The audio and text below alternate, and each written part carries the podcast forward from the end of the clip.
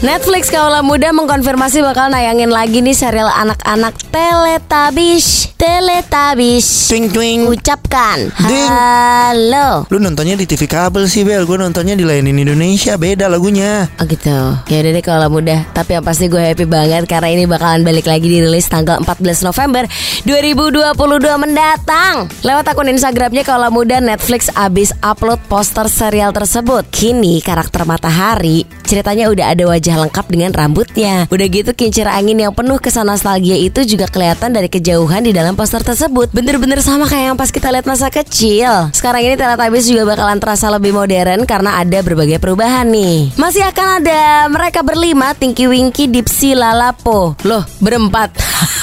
Mereka berempat maksudnya kaulah muda. Jadi ceritanya nih para Teletubbies ini udah tumbuh besar nih. Mereka udah masuk seri prasekolah. Wih, akan gua tontonkan kepada anak gua kelak dan juga adik gua yang masih kecil ya. Karena emang waktu gua masih kecil juga, gue suka banget nonton yang satu ini. Tapi gua ada pertanyaan Bel, lu tahu nggak warna-warna yang ada di Teletubbies? Lala kan warna kuning, Dipsy kan warna merah. Dipsy hijau Sorry, maksud saya itu. Po kan warna merah. Tinky Winky warna apa? Ungu Salah, warna lilac kakak.